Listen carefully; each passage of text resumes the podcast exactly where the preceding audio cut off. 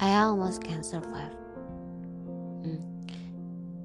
At several times I got sick and the doctor said that I'm work too hard. So that's why my body is got the pain.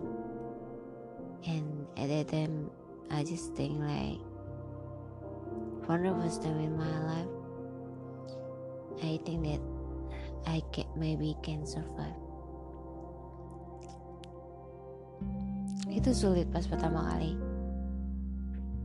Hampir 10 atau 12 hari tidak melakukan apa-apa. Berbaring dan struggling. Dan aku benar-benar berpikir bahwa maybe that is my last time. Yeah, I think.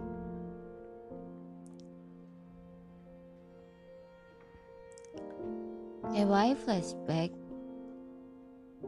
and I got introspection about that, it's my fault. Yeah, dari Juli layaknya lari maraton yang teramat sangat kencang dan tanpa jeda.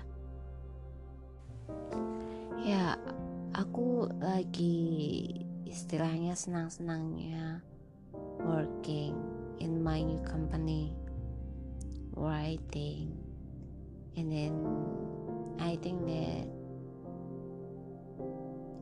Maui is too good to be true, and then saat itu aku pikir bahwa Heyo pasti menyenangkan sekali jika seperti ini jadwalku saat itu podcasting juga. Untuk pertama kalinya aku bisa nge-podcast bareng banyak orang yang udah aku nantikan lama. And then I think at the time that you finally I can meet them. And I'm really excited ya. Dalam proses itu di saat aku struggling sama jadwal kerja podcasting being admin uh, aku tidak menyadari satu hal atau mungkin aku menyadari satu hal tapi aku denial akan satu hal. Bahwa bahwa pasti ada saatnya uh, ketika kamu terlalu lelah atau kamu terlalu capek maka tubuhmu akan bereaksi dan akan kehilangan tenaga ya Pas itu aku tidak menyangka bahwa hari itu benar-benar datang dan pada akhirnya memaksaku untuk take a risk. It's almost 10 days. Ya. Waktu itu aku berpikir bahwa oh aku lagi senang dan bahagianya aku nggak mungkin capek ataupun merasa tertekan ataupun merasa ada beban psikis maupun mental. Karena hal yang aku lakukan aku menyukai semuanya. But in another side in another side aku benar-benar tidak menyadari bahwa yeah, just human I forget that fact because I work too hard I'm doing broadcasting I'm running with my own schedule and then I just I just didn't realize that I need to take a rest. Yeah. And then I'm drop, finally drop at that time. Kejadiannya cepet banget karena pas itu tuh aku selesai ke bank untuk satu urusan dan kemudian aku masih ada satu jadwal space satu jadwal podcasting dan kemudian uh, setelah itu aku mulai merasa bahwa tubuhku demam and then ya ya. Saat yang sangat sulit ketika kamu sakit saat ini karena yang pertama uh, untuk mindset orang-orang yang ada di sekitarku sekarang if you getting sick you will be diagnosed to be a COVID-19 and then yeah my mom is uh, get you know my sister tell me my tell me to my mom. And my mom believed that. So when i got sick they didn't bring me to the doctor. That was because they are afraid. If i go to the doctor and the doctor is diagnosed me to be you know covid-19 but honestly i'm not afraid. If I got the disease or maybe I got this virus in in my body is better for me to know about it and get you know and get dan mendapat perawatan tentunya. Tapi pas itu uh, mereka nggak nggak bisa membawaku ke dokter karena sempat takut itu. Hingga pada akhirnya I'm crying. And that time I'm so crying. Because I know my body. Karena aku tahu uh, saat badanku tidak bisa bekerja secara maksimal dan saat itu aku demam yang lumayan tinggi. Dan uh, adanya itu adalah uh, gejala gue itu mirip sama gejala covid. Jadi aku demam tinggi aku batuk dan aku pilek. Uh, tapi yang membedakannya adalah aku merasa ingin muntah ketika melihat hal-hal yang aku sukai. At that time I just so feel so weird. Bayangkan saja aku yang biasanya suka D6 aku yang biasanya bikin video D6 tapi at that time I can aku nggak bisa ngelihat D6 aku nggak bisa ngelihat sosmed aku nggak bisa ngelihat uh, Twitter maupun Instagram. And then it will so hard for me. Yeah it was so hard. So almost 10 days aku nggak buka WhatsApp Twitter dan Instagram like that dan pada akhirnya karena aku ngerasa kayak my body is not good and I need to go to doctor aku memaksa orang tua untuk yang mom I need to go to doctor. Please don't believe that if I go to the doctor they will be you know diagnose me at COVID if my disease or diag or jika gejalaku bukan COVID aku pasti akan lebih baik jika aku dapat segera dapat penanganan kayak gitu. And I still remember I just have 15 rupiahs 15,000 rupiahs in my pocket. And it's hard for me. Really really so hard. But for me it's just like nggak apa-apa duit nanti bisa dicari. Uh, bisa dicari lagi. Yang penting aku sembuh dulu waktu itu. And then ya akhirnya aku ke dokter I got the diagnosis ternyata aku sangat kecapean dan apa nah tensiku juga sempat turun drastis. And that time I just like thinking uh, dalam masa pengobatanku itu sangat-sangat sulit. Karena aku jadi tidak suka hal-hal yang aku suka sebelumnya kayak kamarku. Aku nggak bisa masuk kamarku. Aku merasa setiap masuk kamarku aku pusing kayak mual dan rasanya pusing banget. Ini ini baru hari ini aku bisa kembali kayak istilahnya di kamarku siaran kayak gitu. Yang paling aneh adalah nggak bisa ngadmin nggak bisa on my day six kayak gitu and at that time pas banget pas di saat aku sakit pas di hari ulang tahunku juga For the first time in my life, I just celebrate my birthday in my bedroom with a headache, and I will still remember that time. Aku merasa banyak banget dapat dukungan dari teman-teman on Twitter juga, teman-teman on Instagram, terutama para sahabat-sahabatku. Jujur, I I really don't think that I can survive. Uh, jujur aku ngerasa aku nggak bakalan bisa survive. Aku nggak punya bayangan untuk bisa kembali sehat kayak gini kayak sekarang pada akhirnya bisa siaran. Nggak nggak pernah kebayang itu karena saat itu sangat berat bagiku terus kayak uh, obat yang diberikan dokter pun tidak tidak doesn't work nggak bekerja dengan baik untukku. Hingga aku nangis kayak yang aku ngelihat bagaimana perjuangan my mom.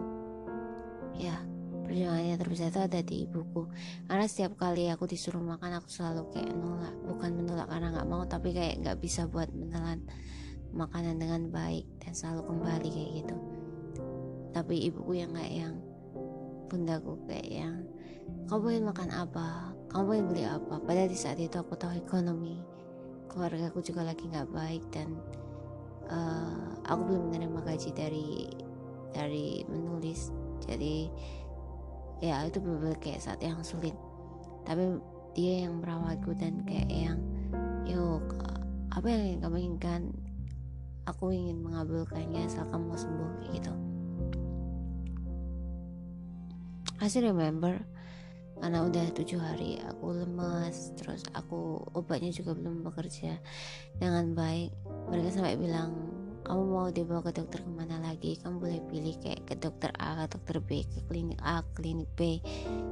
Ini semua demi kesembuhan kamu kayak gitu. I at that time I just crying a lot. I I said like mom I honestly um I give up. I, because I think that I can survive. But why you still cannot be give up to me? Uh, so, soalnya pas di tengah-tengah masa penyembuhanku itu kayak ada saat di mana aku sampai mimpi bertemu dengan temanku yang udah meninggal. Terus aku bertemu dengannya dan aku pikir bahwa itu adalah saat terakhirku. Karena uh, kayak udah berada di alam bawah sadar. Tapi saat itu untuk pertama kalinya aku sadar bahwa it's not my time to back to the God. It's not my time to come back to home. Dan aku bahkan sampai sudah nyiapin you know like surat the last time. Dan aku sempat ngirim pesan on you know voice diperekam buat DS6 and yeah I'm crying at that time Not because I'm afraid. The one that I afraid is just if I go away without, you know, say something to day six, maybe to my Desi followers or anything. Yeah.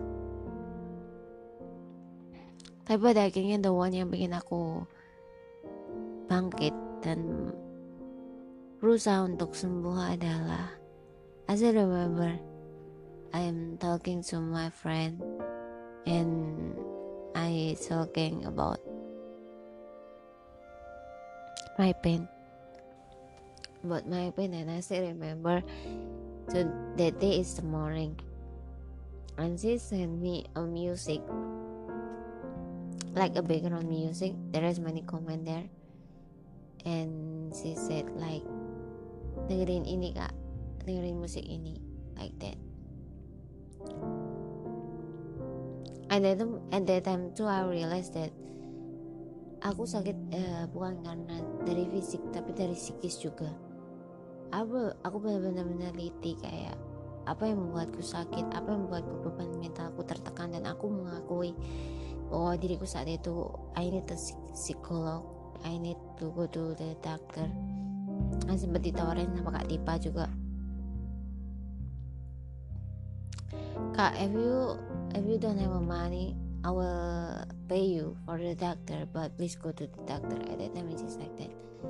But I real I realize if I go to the psycholog uh, if I consultation in chat or in telephone maybe it's just a short time that I need a long time to tell my story.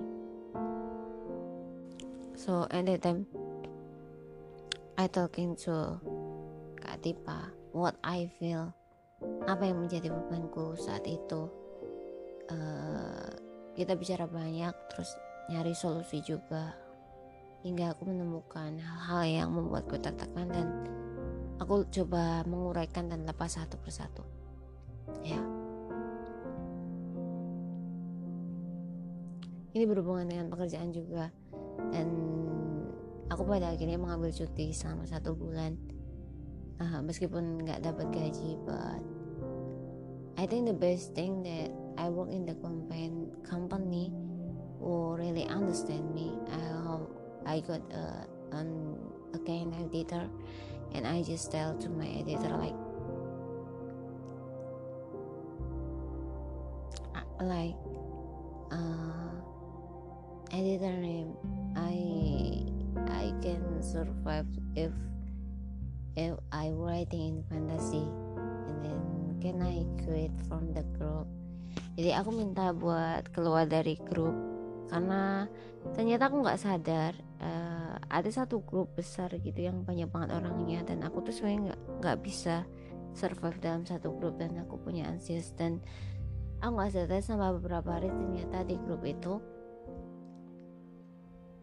banyak banget orangnya terus akhirnya nge-trigger aku. Bahkan uh, di saat aku sakit itu aku banyak ketrigger kayak ketrigger tentang berita tentang covid. Aku nggak suka nonton TV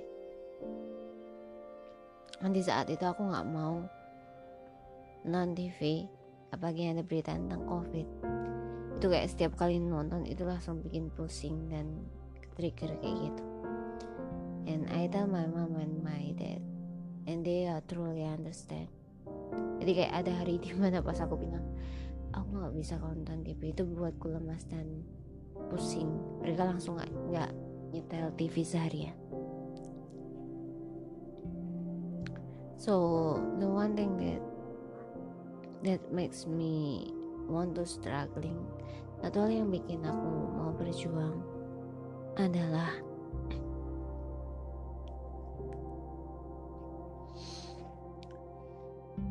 karena pada akhirnya aku menceritakan banyak hal kepada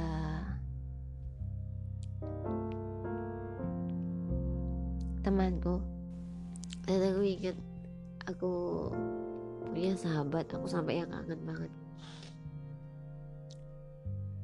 Aku benar kangen banget sama dia terus aku sampai ngeplay daily sick day by the podcast and this helped me a untuk mengurangi kangen.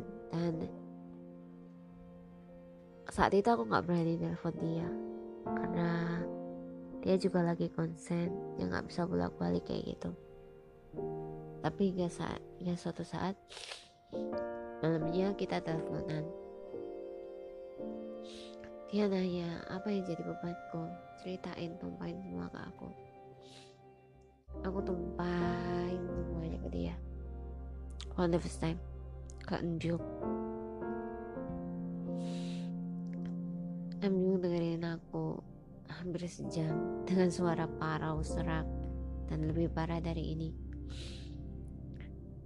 And that time I just tell her I miss you, but I know it's hard to meet you.